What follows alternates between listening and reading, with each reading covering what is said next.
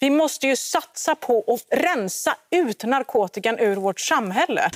Nooshi Dadgostar, jag bara fråga, har man inte försökt det i decennier? Absolut inte. Det är bara att kliva ut på här ute så är det... det har det inte funnits många insatser för att försöka komma åt narkotikan och skapa ett narkotikafritt samhälle och så? Nej, men det finns inte tillräckligt med resurser för att göra detta. Just nu flyger nyheten över världen om en svensk ung rapartist som har mördats. Hur ser du på den nyheten? Ja, det är, klart, det är en tragedi, ett, ett uh, ungt liv som släcks. Det är alldeles för många liv som släcks i, i spåren av den här gängkriminaliteten. Vad jag förstår så är det det det handlar om. Vi måste ta problemet med, med knarket i vårt land på, på största allvar. Jag har hissat upp det här tidigare. Att människor dör av knark är i Sverige dubbelt så vanligt som EUs genomsnitt enligt de här siffrorna. Hur bra fungerar den här hårda politiken då? Den är väldigt framgångsrik därför att den innebär att färre människor drar in, dras in i missbruket relativt sett och det är bra. Om dubbelt så många ja, dör, varför är det framgångsrikt? Ja, därför att dödlighet, att dö är inte den enda effekten som kan komma utav missbruk. Men det måste eh, nästan du, vara den värsta ja, Folk dör inte omedelbart men de blir ganska såsiga i huvudet. När man träffar de här unga personerna, när man sitter där i radiobilen och försöker prata med dem och, och de är väldigt drogliberala så brukar jag försöka det är klart att man ska diskutera men jag brukar dra en liten annan vinkling för att de ska förstå varför man inte ska bruka droger. Och då brukar jag säga att men tänk om din mamma är hjärtsjuk och hon ska opereras akut. När du kommer in, rullar in henne där i operationsrummet så står läkaren där och har en feting i handen och drar ett djupt blås plus kanske dra en lina. Vill du att han ska operera din mamma? Jag garanterar att alla skulle säga nej.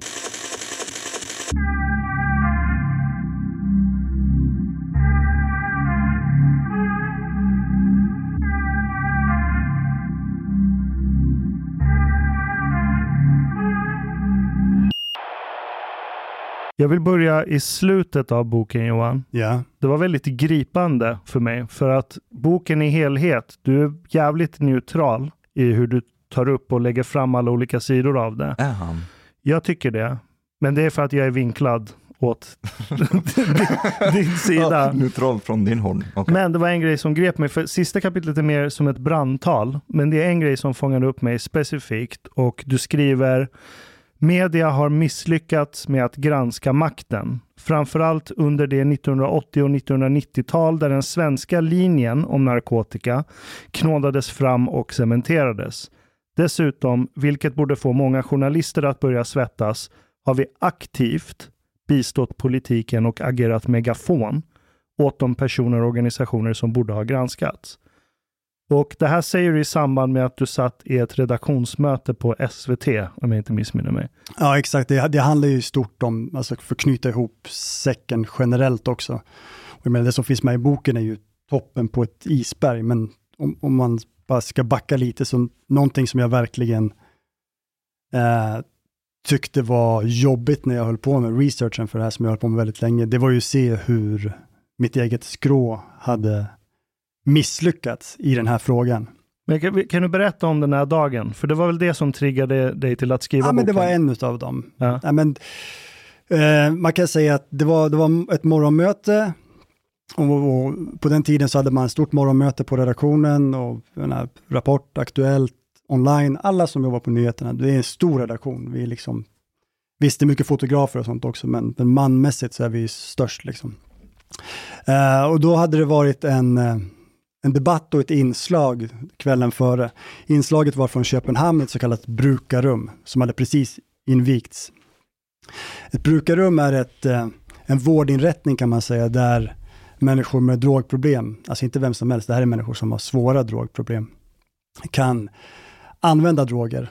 Till exempel injicera heroin kanske, men det kan också vara att man röker heroin eller tar en annan drog.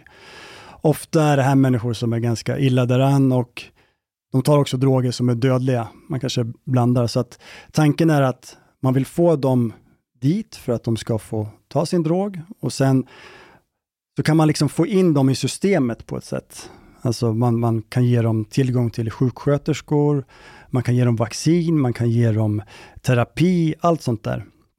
Uh, och uh, då var det så att, att uh, reportaget var bra. Det var ett bra reportage. De hade varit nere i Köpenhamn, det var inga konstigheter. Men sen var det en debatt efter. Det ska alltid vara en debatt, så knyta ihop säcken liksom. Och då hade man tagit Martin Kåberg som är eh, ansvarig för eh, sprutbytet här i Stockholm och har lång erfarenhet av skadebegränsning och, och jobba med människor som har missbruksproblem. Och på andra sidan hade man då RNS ordförande. Och RNS är en organisation som heter Riksförbundet Narkotikafritt Samhälle, som jag skriver mycket om i boken. Det är en lobbyorganisation som, som på många sätt vann och fick igenom hela sitt eh, program när det kommer åtminstone till kontrollpolitiken.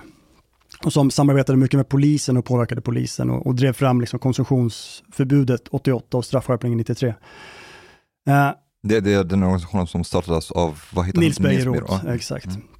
Så det där var ju så här klassiskt exempel. Jag jobbade som vetenskapsjournalist också under de här åren på SVT och vi hade, uh, jag och en kollega hade till och med haft så här, uh, föreläsningar om falsk balans. Falsk, ja. bal falsk balans kan vara där man, om vi säger att, uh, nu gör jag det enkelt för mig, okej, okay, vi har klimatförändringar. Man är relativt överens om, om det mesta där, men du har några liksom outsiders. Och att då bara tutta ihop en mot en, utan att ge den större bilden, right. Eh, då blir det falsk balans. Det blir inte balanserat. Det ser ut som att det är 50-50. Exakt, mm, okay. när det inte är, eller vaccinfaror till exempel. Så här, eh, du tar en, en vaccinskeptiker mot, mot någon som har jobbat med, med vaccinationer i liksom, eh, 30 år. till exempel. Ja. ja, men det där är, det, det, det finns många falsk balansfällor som inte ens ses som falsk balans i mm. Sverige också. Men, men i alla fall, så att det där, jag reagerade på det där. Eh, men dels hur man hade tuttat ihop de här personerna. För han kommer liksom egna erfarenheter med forskning och la la la. Och Per Johansson då från RNS, han bara, vi ska inte hjälpa människor att knarka, vi ska, vi ska hjälpa dem att sluta knarka och sådär. Och har man inte koll på den här organisationen, så förstår man inte vad som är problemet här. Det var därför jag bland annat ville skriva den här boken. Eh, och, eh, men programledaren efter den här debatten, hon bara sammanfattade debatten med, ja, det här är ju två tyckande från uh, olika sidor, det är svårt att värdera det här. Ja, nu går vi till nästa inslag. Så dels var jag förbannad på det, men sen var det också en av de högre cheferna, inte som menade illa, men efter diskussionen, hon bara, ja men det har inte hänt så mycket i den här frågan sedan 80-talet. Hon hade bevakat det. Och då, då flippade jag liksom. Eh, och ni måste tänka på att det här är, en scen där det, det är mycket folk, det, det är tunga redaktörer, reportrar. Liksom. Så om du ska säga någonting, du måste antingen ha liksom, vara en narcissist, eller så måste du ha någonting vettigt att säga. Och, så att jag liksom, jag kommer inte ihåg exakt vad jag, vad jag sa och jag skriver i boken, jag kommer inte ihåg, jag bara blev förbannad. Johan, var, var du hög? Jag, var, jag, var, jag, var, jag, trodde att jag var hög, så liksom surrealistiskt var well, Hopefully you picked the right drug, so maybe, maybe not uh, Exakt, cannabis. jag borde ha mm. haft något centralstimulerande. Uh. Men, eh, nej, men så att jag, jag bara lackade ur och förklarade, vi kan inte låta lobbyister sitta med experter på det här sättet. Vi måste gå till botten med hur det ser ut. Det här är inget svårt. Du måste varudeklarera den här lobbyorganisationen. Så att det var liksom en pusselbit av många som gjorde att jag att jag till slut ja, men började ta tjänstledigt, satsade all journalistisk prestige och massa pengar på att göra det här projektet. Vilket år var det här? Det här var 2016 var det typ. Oj. Sådär, så det var bara en pusselbit bland många. Jag började med boken eh, hösten 2019. Så det var en del. Sen var jag också, jag är ärligt talat, jag är jättetrött på nyhetsjournalistik. Jag har jobbat med företrädesvis snabb nyhetsjournalistik sedan 2010 du kommer bara si och så långt med det. Eh, det är jättemycket, och politiken, du är mycket där, bara spelet. Eh, jag tycker ju om att gå till botten med saker. Sådär. Eh, och det är rätt svårt att göra det för att SVT nu, jag vet inte om ni har följt med i debatten, alltså nu får vi inte skriva något långt heller.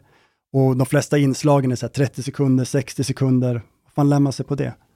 det Varför får ni inte skriva långt? Ja, men det är det här med tidningsutgivarna och sådär, och konkurrens och, och så. Tassa mm. in på deras områden. Vilket jag förstår också. Däremot, Förlåt, jag fattar inte. Men SVT är ju ett, ett, ett tv-medium från Ja. början, precis som radion är. Om ni, om ni har sett radions nyheter nu, de har ju liksom tre punkter. Just det. De har ju knappt något text alls. De får kritik av andra för att de också skriver långa texter. Det ska ju tidningar hålla på med. SVT ska Exakt. hålla på med bild. Det var inte det man, Aha, man fick okej, liksom. okej. Det var inte därför SVT kom till en gång i tiden. Sen kan man ju Nu ändå är det en ha... annan värld. Vad sa du? Men nu är det ju en annan tid. Ja men exakt, så att, men det där det ska bli ett nytt långt avtal nu så det är massa politisk diskussion om det där. Sen kan jag tycka att jag förstår det. Sen kan jag tycka att så här, egna granskningar, till exempel när UG gör stora gräv Ja, eller någonting, då är det ju bara bra att SVT också har mycket text så att andra medier kan ta det och göra rewrites och gå vidare. Mhm. Men jag tycker, men det, då pratar jag om originaljournalistik, men jag förstår ju diskussionen. Mm. Och jag gillar att skriva. Alltså, när man gör ett inslag till Rapport eller Aktuellt, eh, du får ju knappt med någonting. Nej. Men jag menar en nyhetstext på 3-4 tusen tecken, då kan du få med mycket. Och nu har jag skrivit en bok, då får man räkna ord istället för tecken. Så det är nice. Men jobbar du inte alls på SVT? Jo, jo, jag är tillbaka sedan eh, januari nu, men jag jobbar 75 procent. Och vad gör du då? då? Nu är jag tillbaka på online, så att typ det man ser på SVTs app. Typ mycket direktrapportering, det har varit massa Ukraina och grejer. Blev det sådana snabba clickbaits? Men vi, jag tycker inte vi kör så mycket clickbaits nu. Faktiskt inte. SVT är bra på det. Det får jag ändå ge dem. Men det gör ingen Det är annan. mer du, din tidning Fast det gör inte de andra där. heller så mycket. Jag tycker typ, ja, som Expressen och Aftonbladet, det fanns ju en tid där det var väldigt mycket clickbaits. Mm. I alla fall Expressen har ju gått mycket mer åt, ja men de är ju, det är den fina morgontidningen nu med sina långa reportage, de lägger mycket pengar. Ja, Fast de är väl ingen morgon, de är väl kvällstidning? ja, för, Expressen? ja, för, förlåt. Alltså, Sen DN vet jag inte, men det går väl bra för, det går väl bra för de flesta medier nu. Nu får vi se vad som händer i liksom lågkonjunkturen. Men det var ett tag sedan det pratades om mediekris. Ja, men det, har, alltså, det går bra och DN låser ju upp sin sajt hela tiden. Om jag märkte. Jag tycker det är bättre när de är låsta så färre läser dem. Men-. Men alltså, de, vadå, de, det är väl eh, olåsta tag och så låser de, eller? Nej, men de, de kör ju så här, nu är kriget i Ukraina, vi låser upp sajten. Valet, Ah, okej. vi låser upp sajten. Men det är hela Det är tisdag, tiden. vi låser Ja, upp Det är alltid en anledning att låsa upp sajten. För att visa sig god också. Ja. Men, eh, hur har boken mottagits av dina kollegor på SVT? Ärligt talat, jag måste säga att jag var beredd på mycket mer tjafs och skit. Och det har hänt sjukt mycket i den här frågan på bara typ två år. Bara sedan jag började med att skriva den här boken. Eh, vilket är lite, ja men det, det finns en så här, Eh, det finns ett, eh, det fanns en dansk eh, journalist och författare som skrev en bok om Sverige och svenskarna, på tal om det, 1982, som heter Fallet Sverige, en dansk skalle på det svenska förmyndarsamhället. Jätterolig bok, han går igenom allt han hatar med Sverige. Typ att man inte får köpa alkohol klockan, innan klockan 12 och allt sånt där. Det var 80-talet, så det var ännu mer så förmynderi. Men han har ju den här, han säger så här, redan då, skam den som inte tror att svenska media ger sig på fienden först när den är på väg att falla. Det är ju verkligen typ det som håller på att hända, tycker jag, med narkotikapolitiken. Nu har det blivit så mycket uppmärksammat, så nu börjar andra börja tassa in på det här. Jag menar typ, eh, Nooshi kan få en fråga om legalisering när hon säger att liksom, vi ska rensa ut narkotikan i hela samhället. Det hade varit otänkbart för bara tre år sedan. Ebba Två fick den sedan fråga också från Ashkan. Vadå? Du ställde- Ebba, Ebba Busch, du ställde Ja, men, frågan. ja, men, Ja. exakt, och det blev ju katastrof. jag menar alltså inte för er skull, men jag menar, det, vad Nej, var det för... men, vad men det det, är också intressant. Det- det- din bok Vi ger oss aldrig och det står eh, på boken, så gick det till när Sverige förlorade kriget mot knarket. Och när du sa det, Ashkan, eh, the war on drugs, Ebba sa, men vi har inget krig mot knark. Ja, men det stämmer inte. Däremot så har vi inte haft det här militära kriget som USA hade nere i Sydamerika och även, jag menar USA på, jag vet inte om ni, ni har läst om det, men på 80-talet när det blev vanligare med så inhemsk odling av cannabis uppe i, i Kalifornienbergen, då körde ju Apache-helikoptrar och, och specialstyrkor ner där och brände. Alltså man, man la sjuka pengar på det där. Vilket i sin tur ledde till att man började odla inomhus och hydroponics och allt det här. Så att det här kriget, militära kriget mot, mot speciellt cannabis på den tiden, det ledde till att man gömde cannabisodlingar mycket bättre. Och det ledde också till att det blev starkare och starkare för att det var bättre att odla inomhus. Och det där är så här klassisk grej med ju mer, alltså det kallas ju så ballongeffekten lite grann. Alltså trycker du någonstans på en narkotikamarknad, då kommer det ut någon annan, det händer saker. Vi kan se det även i Rinkeby, vi har ju pu- pumpat in med polisiära resurser. Vi har inte lika mycket marknad i Rinkeby centrum, men vad händer? De är ju och säljer utanför min eh, tunnelbanestation Västra skogen. Hela tiden. Ja, ja, men det, och, Det är därför jag har ändrat mig helt och hållet. Men så kommer det att vara, och det där gäller ju även typ, alltså kolla, det är ganska intressant just nu, det här snackar ju ingen om i Sverige, för vi är ju helt liksom illiterata när det kommer till narkotikadiskussioner, men nu är vi i ett stort skifte där vi går från liksom plantbaserade droger till syntetiska droger. De syntetiska drogerna kommer ju ta över förr eller senare. Och de är mycket starka, kolla USA och opioidkrisen och sånt där. Det är det som också händer när man trycker till mot vissa droger. Då anpassar sig marknaden. Jag menar de mexikanska kartellerna idag har gått från cannabis till heroin. Två ganska jobbiga saker, för du måste odla cannabis, du måste odla vallmo. Men nu gör de metamfetamin på ett P2P2P-sätt, vilket gör att man kan göra det jävligt effektivt i labb, som ingen kan se från någon helikopter. Och där översköljer man USA med. Så att alltså narkotikamarknaden förändras hela tiden. Eh, och den här, det måste man liksom förstå. Och det är det jag tycker är intressant med Holland, när de skapade sin narkotikapolitik. Det är därför jag tar upp det i boken också. De sa redan från början att vi kommer inte kunna kontrollera narkotikaproblemet, utan vi, eh, narkotikan är liksom ett, ett fenomen som tillhör moderna samhällen och vi måste lära oss att liksom kontra det hela tiden och det kommer att påverkas av både eh, internationella och nationella kulturella trender. Det är det vi ser nu. Mm. Eh, Det finns en väldigt hög, eller stark tro på att man med politik kan styra hur mycket människor använder droger i ett samhälle.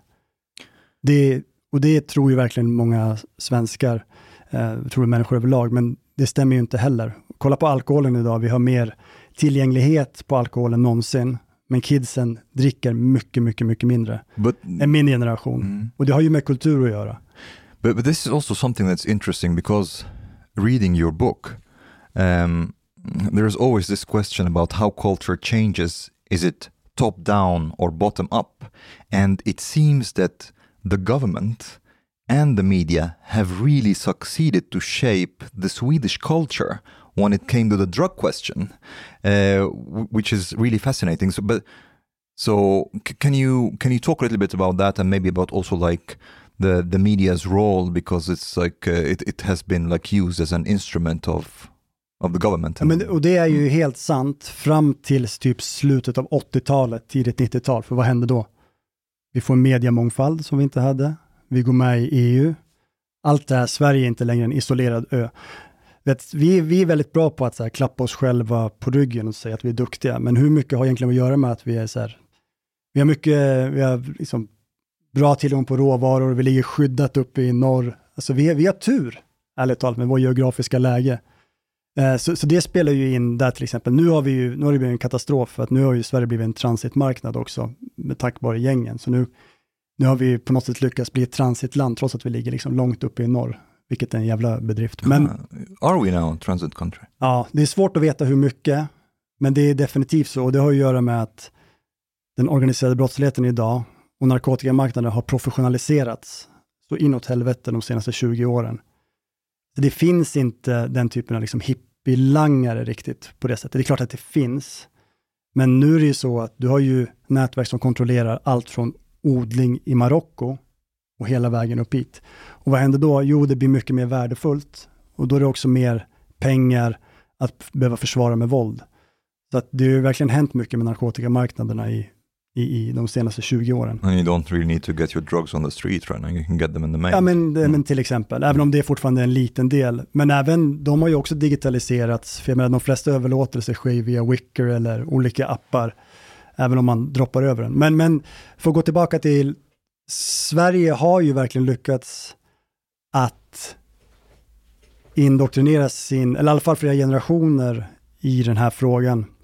Och det har att göra med att man har lagt väldigt mycket pengar från 60-talet till slutet av 80-talet, fram till typ 90-talskrisen kan man väl säga, eh, på att, att dunka in ett budskap kring drogerna. Eh, Knark är bajs. Ja, men knark är bajs. Det ska inte vara någonting som du ska behöva tänka, tänka liksom, du ska, du ska kunna reagera med magen och det var ju också en anledning som jag har sagt tidigare att jag var så jävla irriterad på att vuxna människor blev så dumma så fort man började prata om, Mm. om drogerna. Alltså även kloka, välutbildade människor på jobbet eller så här. Det räckte att, att påpeka något problem med svensk narkotikapolitik, vilket är mitt jobb att påpeka, så kunde man få liksom, jaha, ska vi bara legalisera allt då? Ska vi släppa det fritt? Det går liksom, det, det, det Alltså jag- Du want noll to sell till hundra. heroin in Ica? Ja men i, ja, men i barns... This is the first question ja men exakt. Men har inte det att göra med att eh, å ena sidan så har det varit tabubelagt för det råder total konsensus och sen så ska du öppna upp för en diskussion. Alla får ju syntaxerror. Alltså, man har inte haft någon kultur. Det är du som du brukar säga, vi har inte, Sverige har inget språk för att prata om det. Nej men det finns... Nej. Det är du som brukar säga det. Ja, men du har helt rätt där, och så, och, och så är det ju. Men, men det är en ganska stor generationsklyfta här också. Typ om man ser 90-talister och uppåt, de som inte har varit inne i den här övertalningsapparaten. Men, men eh, det lades ju verkligen väldigt mycket pengar, alla var överens. Och för detaljer så går jag igenom det där i boken och som sagt, det där är ju toppen på isberget. Jag kunde ha liksom skrivit en, en åtta gånger så lång bok med tokigheter och liksom visa på indoktrinering. Men, men Sverige var ju, och som jag också skriver någonstans i det här kapitlet med, med Holland, att Sver, svenskarna var ett folk som lät sig styras uppifrån. Och vad beror De det kanske- på då? Ja, det beror på, det, det är den så här kuggfrågan. Men är det inte If you- så, if you ask att, Aron att, Flam. att, men är det inte så att vi svenskarna vill gärna att någon kommer och säger åt oss hur saker och ting ska vara? Går det inte tillbaka till kristendomen och husförhören och så här att prästen kommer dit och har läxförhör. När vi är ute och föreläser från po- polisens sida så vill alla bara säga ja, det är ingen som kommer med kritiska frågor heller. Nej men det är så och sen byter man sida som kollektiv över natten och så pratar ingen om det. Eh, och så kommer det säkert bli i den här frågan också. Men då är det ju bara det att det är ingen som behöver ta ansvar för det som har varit. Så eh, men jag diskuterade senast igår att någon som sa att ja, men, typ, vi behöver fler sådana här böcker fast i andra ämnen också. Som visar lite, men problemet är att du måste lägga ner så mycket tid på research. Och vi har så liten marknad här, du vet. Fackböcker säljer inte så mycket om man inte kändis. Och det är typ som- max fyra miljoner som kommer läsa den. Det är max Ja, ja, ja, alla det- som kan läsa exakt. köper den. liksom. Ja, nej, det går inte. Så det är fler som lyssnar på, på poddarna än som läser boken, eh, gissar jag. Det beror på vilken podd det är. Men det är faktiskt deprimerande det där med att eh, vi, svensk, Sver- befolkningen i Sverige gillar att bli styrda uppifrån. Och en take på det, det är att Sverige som modern nation har aldrig gått igenom en fas av ordentlig feudalism där man har haft decentraliserade självgående styren. Så vi har alltid varit centralstyrda från första början när Sverige grundades som modern nation.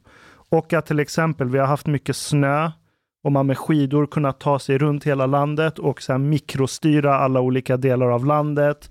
Vi har varit skyddade av skärgården så vi har inte kunnat bli anfallna på samma sätt som massa andra länder.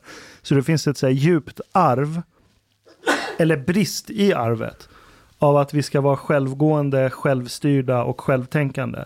Det har varit centralstyrt från första början.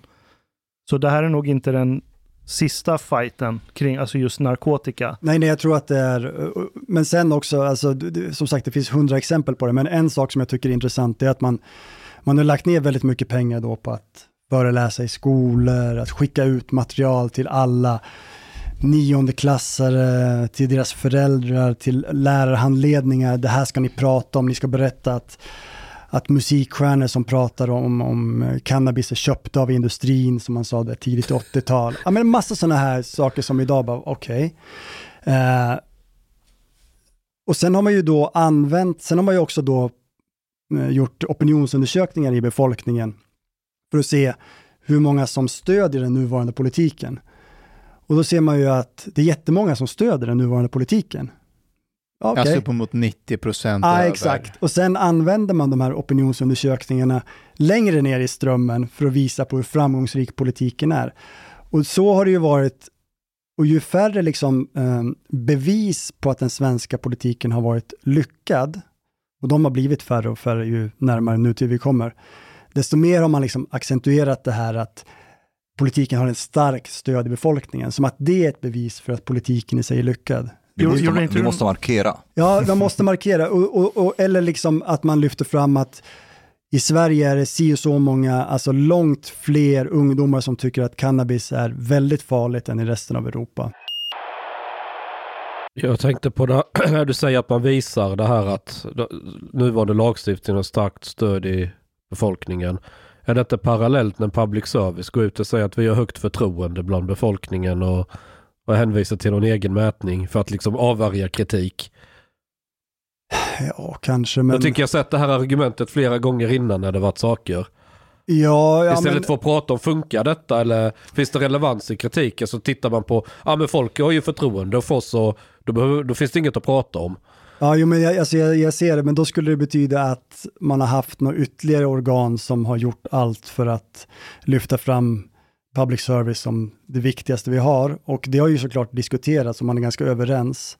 Men, eh, men public service har ju en egen avdelning för att smörja politiker och grejer. Ja, men jag, hör, jag hörde att ni pratade om det, men alltså... Men nu ska vi prata om narkotika. Du får jättegärna berätta. Ja, men det finns, jag ser en jättestark parallell här. Ja, men du får jättegärna berätta vilken det är så ska jag kolla upp det, jag lovar att kolla upp det. Ja, jag jag tyckte gå... det lät intressant. Ja. Eh, annars, det känns som att eh, public service, liksom, HR-avdelning, eller liksom, de sysslar mest med Facebook-inlägg och sånt där. Liksom. Eh, Johan, får jag bara ställa en fråga ah, så vi slipper prata runt om det. Ja. Vad är problemet med, vad, vad är problemet med, vad, vad är problemet med den svenska modellen av cannabis? Det har varit skitbra, det har varit framgångsrik. Vad är din kritik? fram till nu. Fram till nu. fram till nu. Det har ju fungerat, det har ju tjänat, det här? har inte det tjänat oss väl på ett jävligt ha, effektivt ha, ha. sätt fram till nu åtminstone? Fram till du skrev den här jävla boken. Ja, Nej men innan du kom med det här så hade vi det rätt så bra, vi var överens. Okay. Man han, behövde han, inte utmana sina egna tankar, jag kunde men, gå till jobbet och vara lycklig, jag behövde inte ifrågasätta mig själv. Varje ganska jävligt ingripande. Han är för väldigt upprörd för att han är den tredje polisen polisen i svensk historia som vågar snart erkänna att han har haft fel.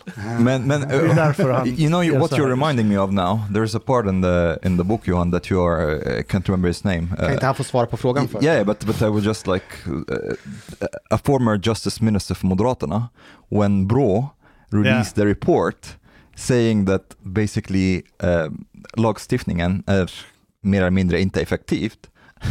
he became super offended. He got like really angry and he demanded from Socialdemokraterna to declare hur ställer de sig till Brå? Ja, exakt. Det var, wanted to call, det var en uh, kvinna. Ja, uh, and wanted to, to call uh, Brås uh, um, generaldirektör mm. till, till utvecklingssamtal. Ja. Men, men det var liksom det spricker i fasaden. Och vem var ordförande för Brå 98?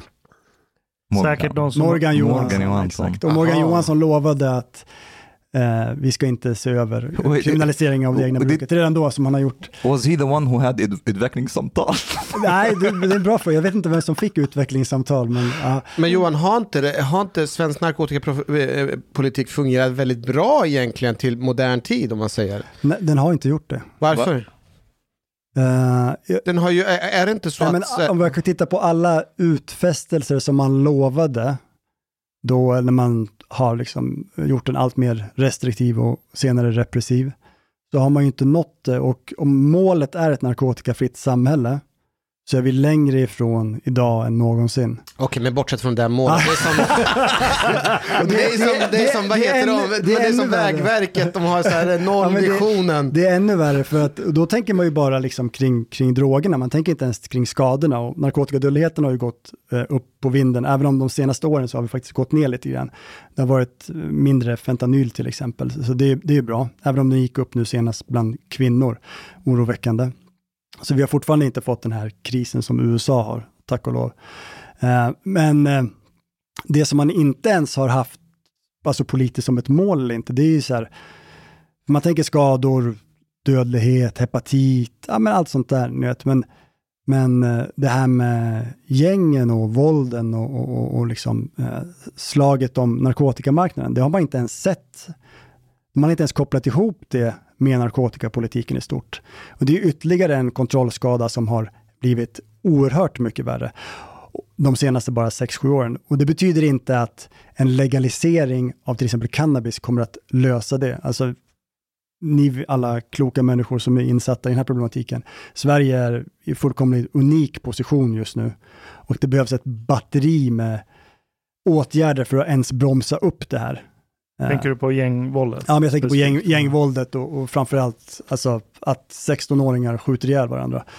Eh, så att svaret på frågan, nej, det, det ser riktigt illa ut och det ser inte ut som att det blir bättre och det finns ingen riktig debatt om det heller.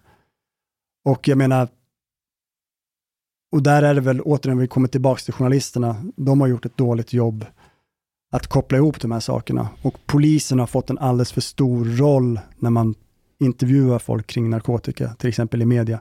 De får vara experter på andra länders narkotikapolitik, de får vara experter på preparaten, de får vara experter på allt. Det är klart man ska intervjua polisen. Ni kan Är, är det lite så när man låter en 16-åring vara expert på klimatet? Eh, Så kan det vara. Men det finns andra experter som har fått komma till tals där också. Men jag menar, Ja, det finns, ja, det finns det säkert i den här frågan. Nej, inte i Sverige. Men om man tittar, om man tittar inte, till exempel ekonomer. Mm. Varför är det inte en massa ekonomer som är ute? Sen, är det, och sen kan man ju säga att det har inte varit värt det för forskare och experter att vara offensiva i den här frågan i Sverige. För de har blivit straffade. Och det är också en ytterligare en anledning till varför jag ville skriva boken. Och jag tar ju upp det här på, på 90-talet, alltså de som i den här liksom tunga jävla muren av konsensusklägg så fanns det ju några som bara gjorde sitt jobb, liksom höjde finger och bara ursäkta, ska vi inte titta på det här? Det kanske inte går så bra. Men de blev ju satt i intellektuell karantän. Och jag menar, det här var ingen galningar, det här var ju forskare, välrenommerade forskare. Jo. Alla de här sakerna du nämner, det påminner ju allt, alltså jag har ju bråkat mycket i offentligheten en massa saker och jag är ju både ryspion och rasist, nazist och demokratins dödgrävare och allt jag är. Men, men samtidigt så, och det, så, det värsta med mig det är ju att ingen har kunnat visa att jag har fel. Det är därför man blir extra farlig. Eh, och hot mot allt och alla. Och mycket av det du, säger, som det här experter har inte vågat vara offensiva. De vet egentligen att fan vi är snett ute men man vill inte öppna käften för det straffar sig. Och eh, det här återkommer ju i fråga på fråga att Hela, det är därför hela Sverige går liksom åt ett håll när det egentligen är idioti och längre, det blir bara värre. Så sen måste man ta ännu större åtgärder för att rätta till det. Och sen svänger alla samtidigt. Eh, Ja exakt, exakt. Men eh, jag menar, är är inte, om du jobbar på SVT, känner du inte att du är i ett bygge som är en stor del av problemet? Alltså, För jag, du, så här, du, du förstår ja, ju men, vad- liksom, jag menar, absolut, jag, jag kan tycka så här att det kommer till, jag menar, ni har ju haft många som har suttit här och jag menar, jag lyssnar på eh, många av de människorna också som har väldigt starka åsikter om public service. Du menar Aron Flam och Garnman? Ja, men och bland annat liksom. Och jag har eh, jobbat på SVT i tio år på nyheterna, lite mer. Och grejen är att jag tycker att den som har varit bäst på att förklara problemen på SVT, till exempel, som har suttit här, det var Micke Lindgren. Visst heter han så? Ja. För han har jobbat där, han vet. Och han, han liksom skäms inte för, att- för att säga det. Och, och typ, problemet där är att det är en, det är en stor, liksom trögrörlig organisation.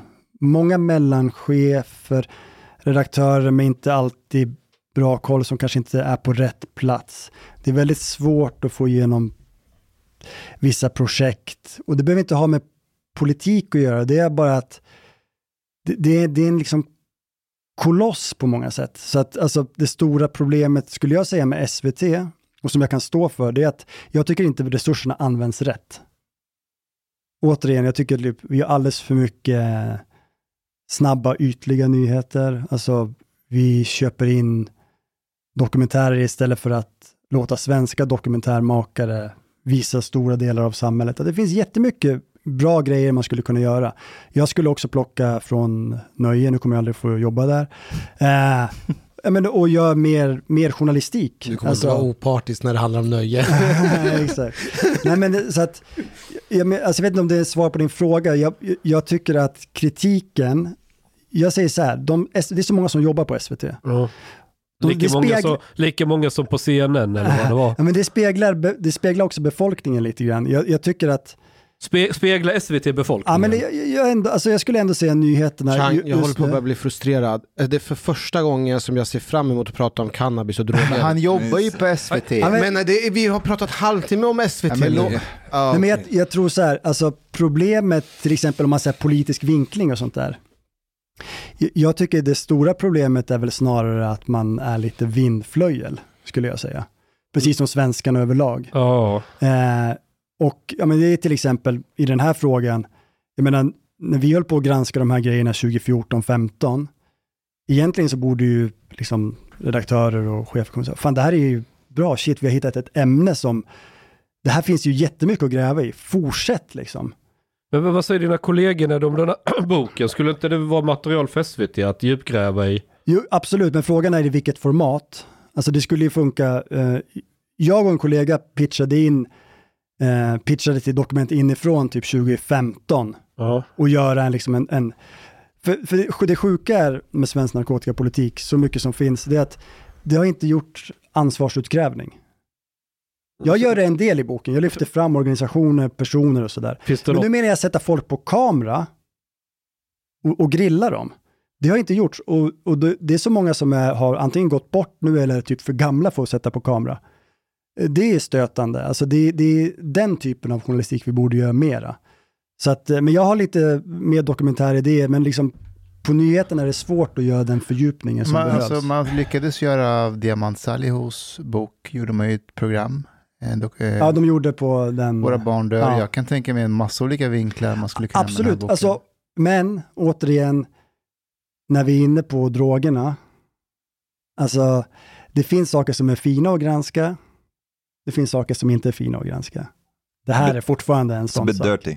Det, det är lite, även om det är ingen som liksom säger det rakt ut nu, så, och jättemånga kollegor har varit jätteintresserade, flera har köpt boken, kommit och tackat, läst den och sådär. Men från chefshåll tror jag man är lite avvaktande också, så här, hur landar det här? Jag Men, men är det ju jag menar- ren jävla populism? jag menar, eh, ja men samtidigt, jag får ju liksom, jag har ju gett mig ut på djupt vatten och liksom eh, På verkligen... vilket sätt har du gett ut på, alltså faktu, rent faktamässigt? Nej, jag, jag, på menar, jag menar bara, ja, ja, men jag menar att jag har gjort ett projekt som jag liksom har gjort massa research. Sen alla historier har ju sin vinkel liksom. Det kunde komma 20 böcker om narkotikapolitik. Men, men jag menar bara att eh, eh, de är välkomna och, och eh, På vilket sätt har du gett ut på djupt vatten? Det för det ämnet är som det är. Jag har gjort sjukt mycket research, jag har läst sjukt mycket. Det är sjukt mycket referenser, det är sjukt mycket källförteckning, allt Ja. sånt där. Och det är ett projekt som jag har liksom drivit igenom själv, som jag står för 100%. När man gör granskningar på SVT är det ändå liksom, det finns en organisation, det finns redaktörer. backad av kollegor. Ja, men det finns alltid en uppbackning Mm. liksom. Eh, Det här är jag ju helt, eh, men det ville jag också ha det så, jag är helt ensam där ute liksom. Eh, vi- vilket är nice, för jag står för det som, som står här. I'm, I'm very interested in, in the period between like the 60s to the 90s. Ja. Var public service saklig och oberoende? Eller var det en instrument som, som används av, av, av uh, olika... Jag, jag kan säga så här, alltså när det kommer till drogerna, alltså 80-90-talet, Mm. både SVT och SR, de var inte så intresserade av frågan, ärligt talat. Det var en fråga som var väldigt stor i vissa morgontidningar, men absolut i kvällstidningarna. Och de som sticker ut är Expressen. Expressen har från 60-talet, slutet av 60-talet, när man lät Nils Bejerot skriva en, en bilaga som de skickade med till senare kampanjer man har kört. När man jämfört langning med, med, med mord och, och så här, man har gjort, ja men Dödsknarket var en lång serie de körde och man hade rubriker som Sätt ett elstängsel runt Holland, Ja till EG, Ja till fritt knark. Alltså det här klassiska kvällstidningskampanjjournalistik. Så det är framförallt där skulle jag säga att man har, har sett det. Eh, från public service så, så uppfattar jag mer som att man var ganska ointresserad. Man hade ju inte heller den tonen och kvällstidningarna på den tiden kunde vara ännu mera liksom, kampanjdrivna och, och ännu mer så här, retoriskt hårda. Jag älskade hur de eh, eh, beskrev eller rapporterade från den här Ja, ja, det- FN-konferensen där drottning Silvia pratade. Kan inte du berätta lite om det? Mm, det var ju katastrof på alla sätt och vis. Men, jo, men eh, 98 så var det en stor UNGAS-konferens. Det är en sån där man samlar massa prominenta människor i FN-skrapan och så har man ett ämne som man går till botten med. Och det här var liksom den sista stora sån narkotikakonferensen där man fortfarande trodde på kontrollpolitiken. Sloganen var A drug free world we can do it. Det är ingen som tror på det. Eh, Kofi Annan var generalsekreterare på den här tiden. Alla minns Kofi Annan, eller? Eh, precis innan konferensen startade så publicerades ett öppet brev i New York Times 500 experter, eh, ex-presidenter, Sydamerika, eh, ex-försvarsminister, USA, forskare från hela världen. Så här, snälla lägg ner kriget mot knarket. Det har, vi har nått vägs ände. Man pratar inte ens om legalisering, man sa bara, alltså det har kostat mer, låt oss åtminstone säga att det har kostat för mycket och vi måste gå vidare. And just chill. And just chill, ja men typ... När, när var det här? 98? 98. Så här, vi, vi måste ta ett omtag om allting. Eh, I alla fall, och eh, eh, det här blev ett jävla ramaskri i Sverige för att det var 12 stycken svenskar som hade skrivit under det här brevet. Och då hade Expressen en utrikeskorre i USA som var en person som har drivit en ganska personligt hård kamp mot allt som heter knark.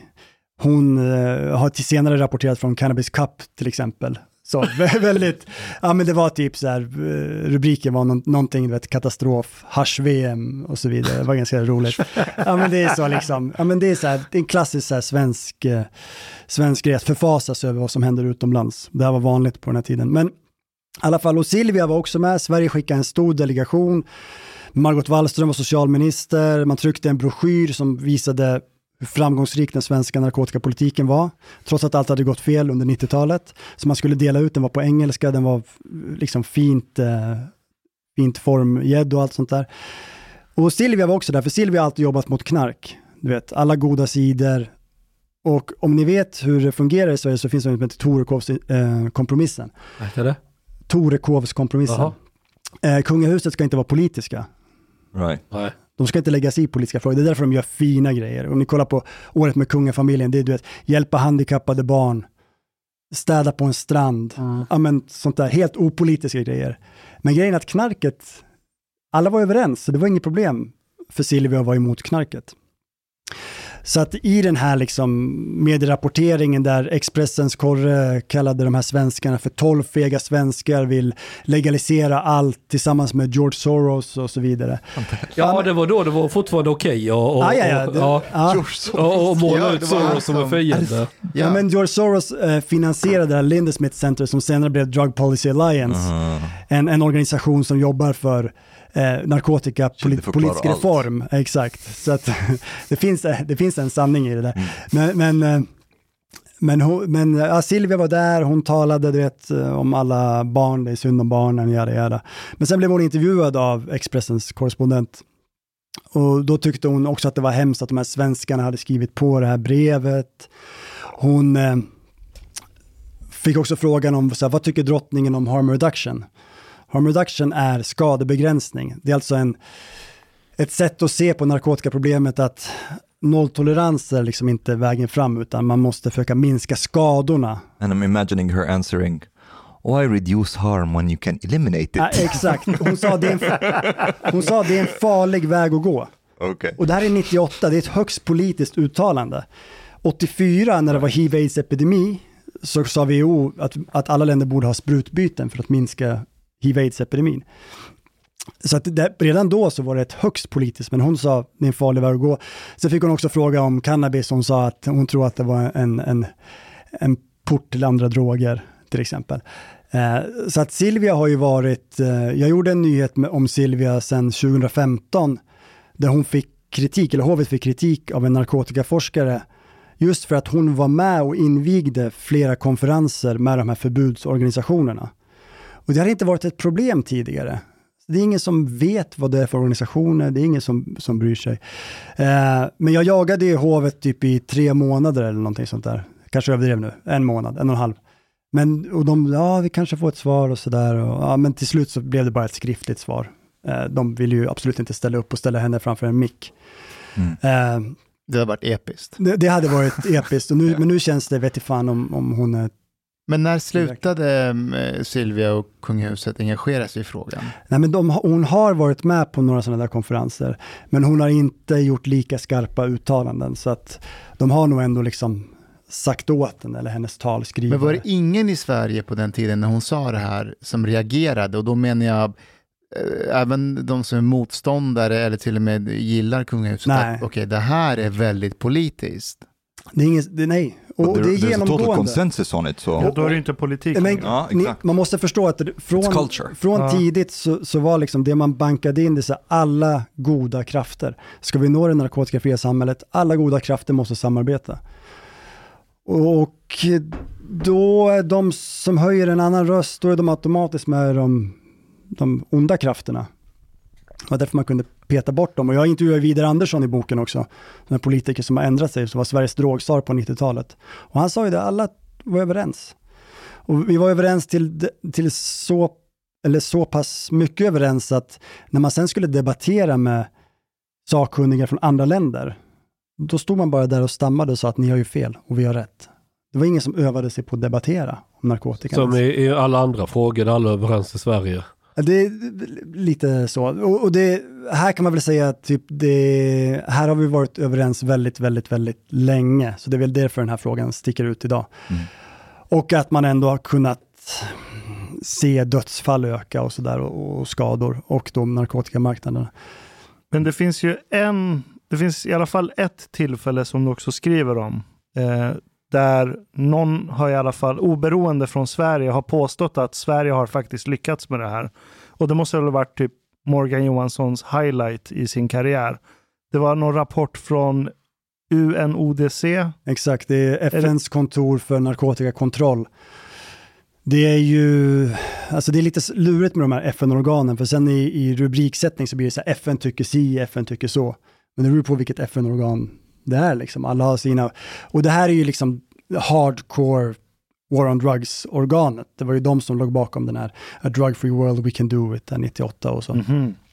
Eh, och, och Sverige fick då konstigt nog 2006, det kom en rapport som heter Swedens Successful Drug Policy, eh, där UNODC för fram att det går ju jättebra för Sverige. De är bäst i Europa, näst bäst i världen efter Japan. According to Swedish politicians. Ja, ja men exakt, och, och den som kunde det här då, man kan ju liksom tracea tillbaka de här formuleringarna, kommer ju från de här rapporterna som har skrivits från Socialdepartementet och Folkhälsoinstitutet på 90-talet som visar då, för det, det är ju som jag skriver i boken, det är inget konstigheter, det är liksom ett, ett siffertrixande för att visa att man med då restriktiv politik kan styra narkotikaproblemet i ett land, vilket inte stämmer. Och det roliga är att återigen, det man lyfter upp i den här rapporten, det är ju att få svenska ungdomar att testa cannabis och att politiken har ett starkt stöd i befolkningen.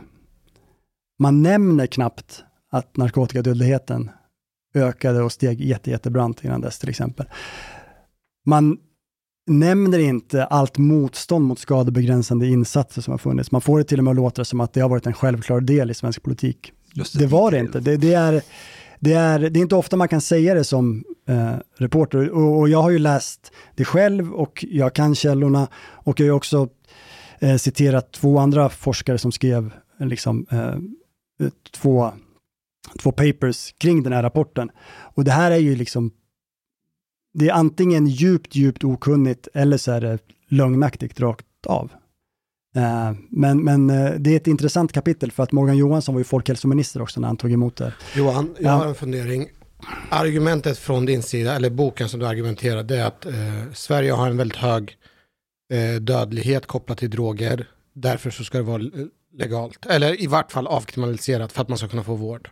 Alltså, jag, jag, jag tycker inte jag tar upp dödligheten jättemycket. För, även om den den finns nu. där, ja men exakt. Och jag vill ju använda, eftersom det inte har berättat, jag vill ju använda cannabis som röd tråd, som den populäraste illegala drogen. Det är där det händer mest i omvärlden just nu. Och den historien har inte skrivits i Sverige. Vad har cannabis haft för roll för den svenska politikens utveckling?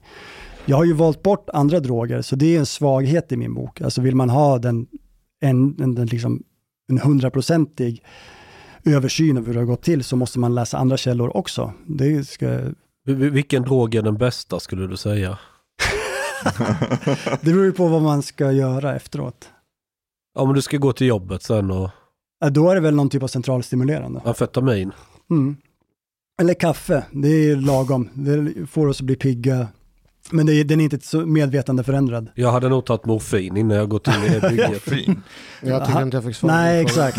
Nej, men, nej, men, och det jag skulle säga att alltså, jag håller väl inte riktigt med om att det är det Nej, men när jag ställer frågan till dig, vad, eh, Sveriges narkotikapolitik, det är Ja. inte lyckad. Vi har en nollvision, när vi når inte dit. Ja. Och så, så har vi väldigt hög dödlighet, som är ett av problemen. Ja, ja, men exakt. Det är en av många parametrar som... Och det är en argument varför det ska vara, i vart fall... Det, det där är, och det är så svårt för att man blandar ju lätt allting. Alltså om vi Exakt, tänker på och det- avkriminalisering, Mm. det är kanske mer en vårdinsats.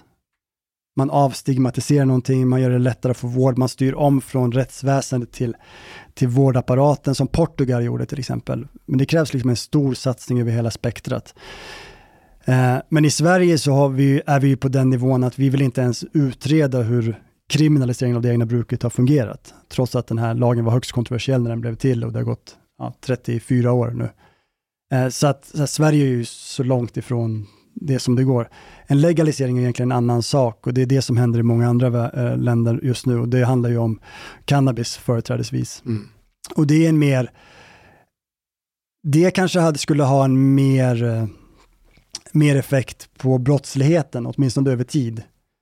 Eh, Men det vet vi ju inte. Det enda man med säkerhet kan säga är att förbudet har ju åtminstone hjälpt den organiserade brottsligheten att växa sig mäktig. Så det är ingen, det är ingen tvekan om det. Eh, jag försöker ju lansera den här, liksom, man pratar om narkotikarelaterad dödlighet när folk skjuter varandra, men det är ju framförallt narkotikapolicyrelaterad dödlighet. Alltså, det är ju en, man kan ju tycka att det är värt det, men om man ska lämna över en marknad till de mest våldsamma och riskbenägna så kommer det att hända saker. Eh, sen kanske man tycker att cannabis är en så farlig drog och att, att förbudet gagnar oss ändå. Då är ju problemet att man kan inte bevisa att vår politik håller nere cannabisbruket. Det är det som är, är problemet. Så det är inte bruket som leder till den höga, höga siffrorna i dödlighet, det är alla omständigheter kring Ja bruket. men exakt, alltså det där måste man också hålla igen. I Sverige har ju cannabis, fick tidigt en roll som dubbelt farlig. Dels inneboende medicinska eh, risker. Man kan ju bli sömnig och hungrig. Som ofta överdrevs. Det finns massa problem, men det är en dosfråga ofta, men, men de, de överdrevs. Det betyder inte att det är ofarligt. Men vad- är det farligaste som kan hända om du röker på? Alltså det man kan säga, det, det största problemet med cannabis generellt, vilket jag kan både säga anekdotiskt och eh, de forskare jag pratat med och forskning jag läst, det är att det är beroendeproblematik. Som med alla andra droger, att det tar för stor del av ditt liv. Alltså alla som har haft människor som har rökt cannabis runt om sig vet att det kan vara ett problem. Sen är det så här, vad är hönan, vad är ägget? Men vissa människor kanske inte borde röka cannabis. Eh, Som med alkohol. Vissa borde Som- inte dricka alkohol. Nej, det, de kan inte hantera det liksom. Men, men beroende på vilket sätt dock? Vadå? Det är psykologiskt beroendeframkallande. Ja. Exakt. Det är inte lika, alltså om man tänker abstinensproblem till exempel, eh, de är ganska låga. Eh, Det kan vara så här, svettningar, svårt att sova. Va? Kan man få det? Absolut, det kan, THC, det kan folk. Ja, Ja. absolut.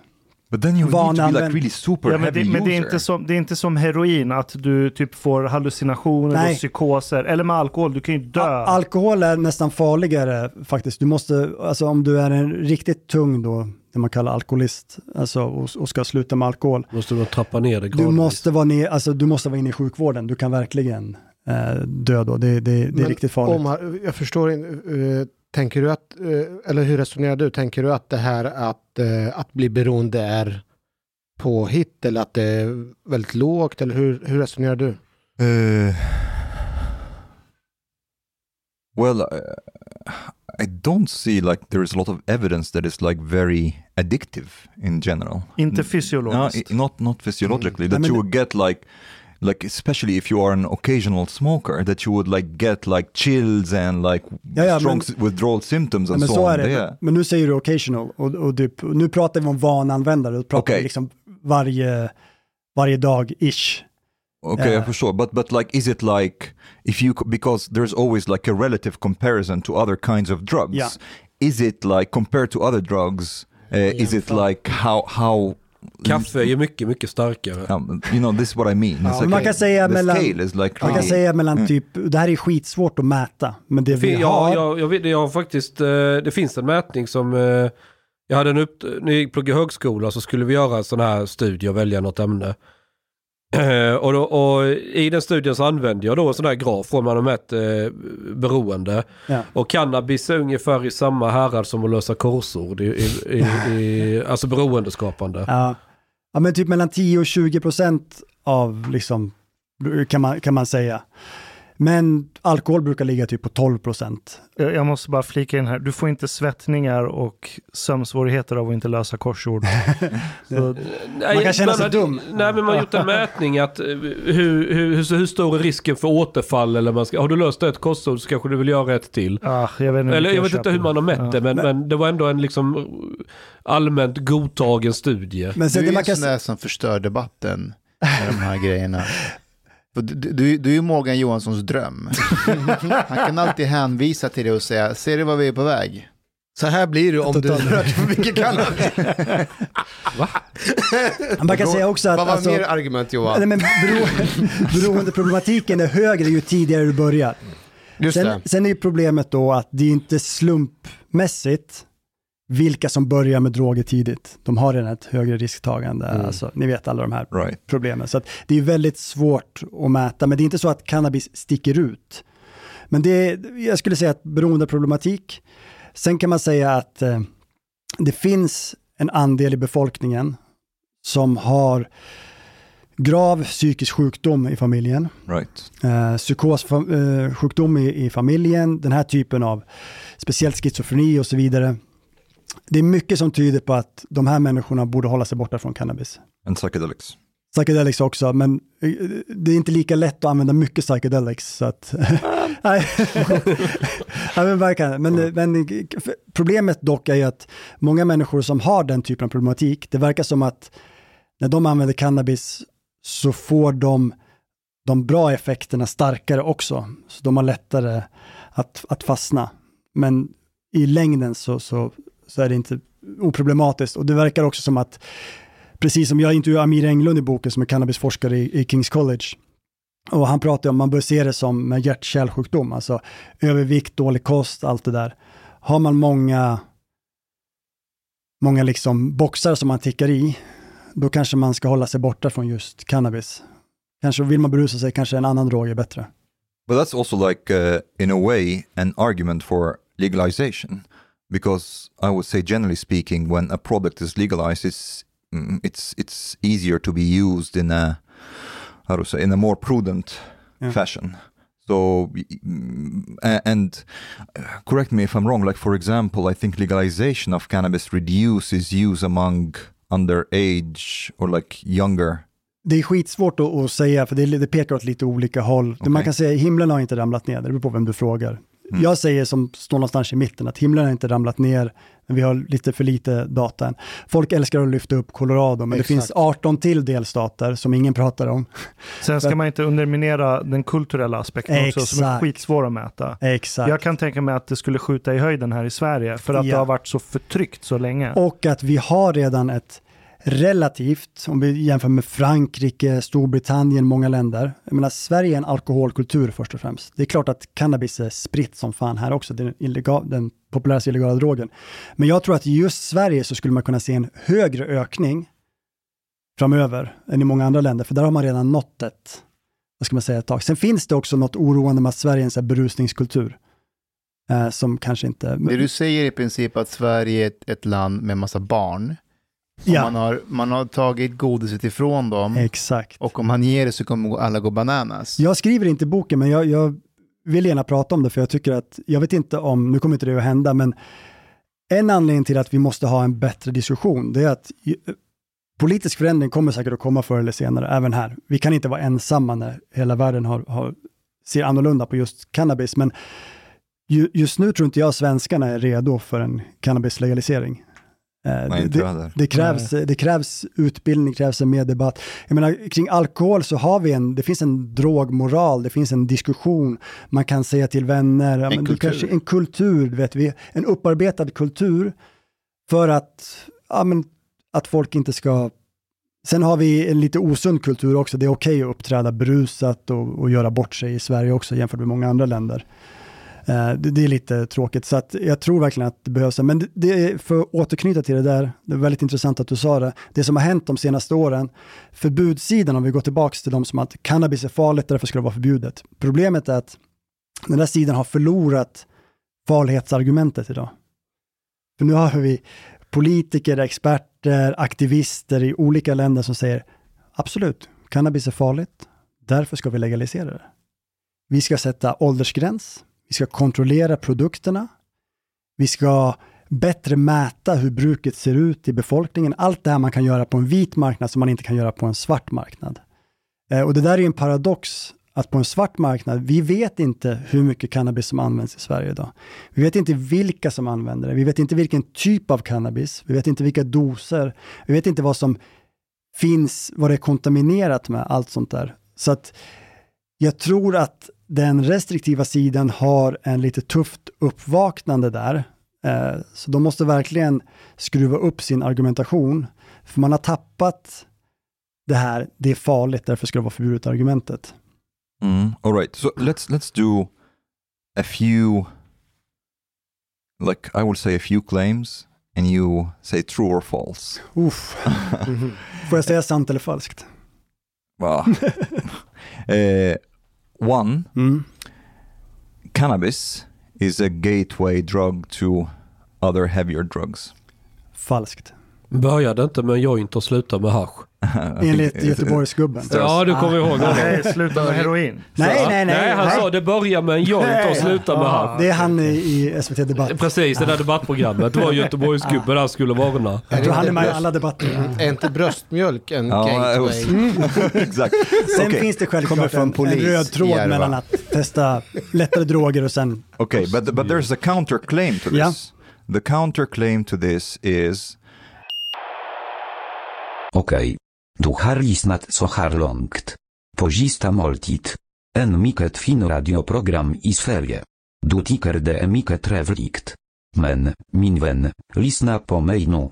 Du har inte betalat biljett på klubb sista måltid. De har blate grabbarna de behöver pengar. Flis. Lax. Stolar. Dirabilar. Lyxhotel. Du vet. Då måste du betala om du ska lyssna mer. Du får många fler avsnitt också. Paket erbjudande, helt enkelt. Läs i beskrivning för avsnitt, där det finns information för att bli medlem på klubbsista måltid. Det kostar som en mycket liten kaffe latte ute på torget. Per månad. Lätt som en plätt. Tack, min vän.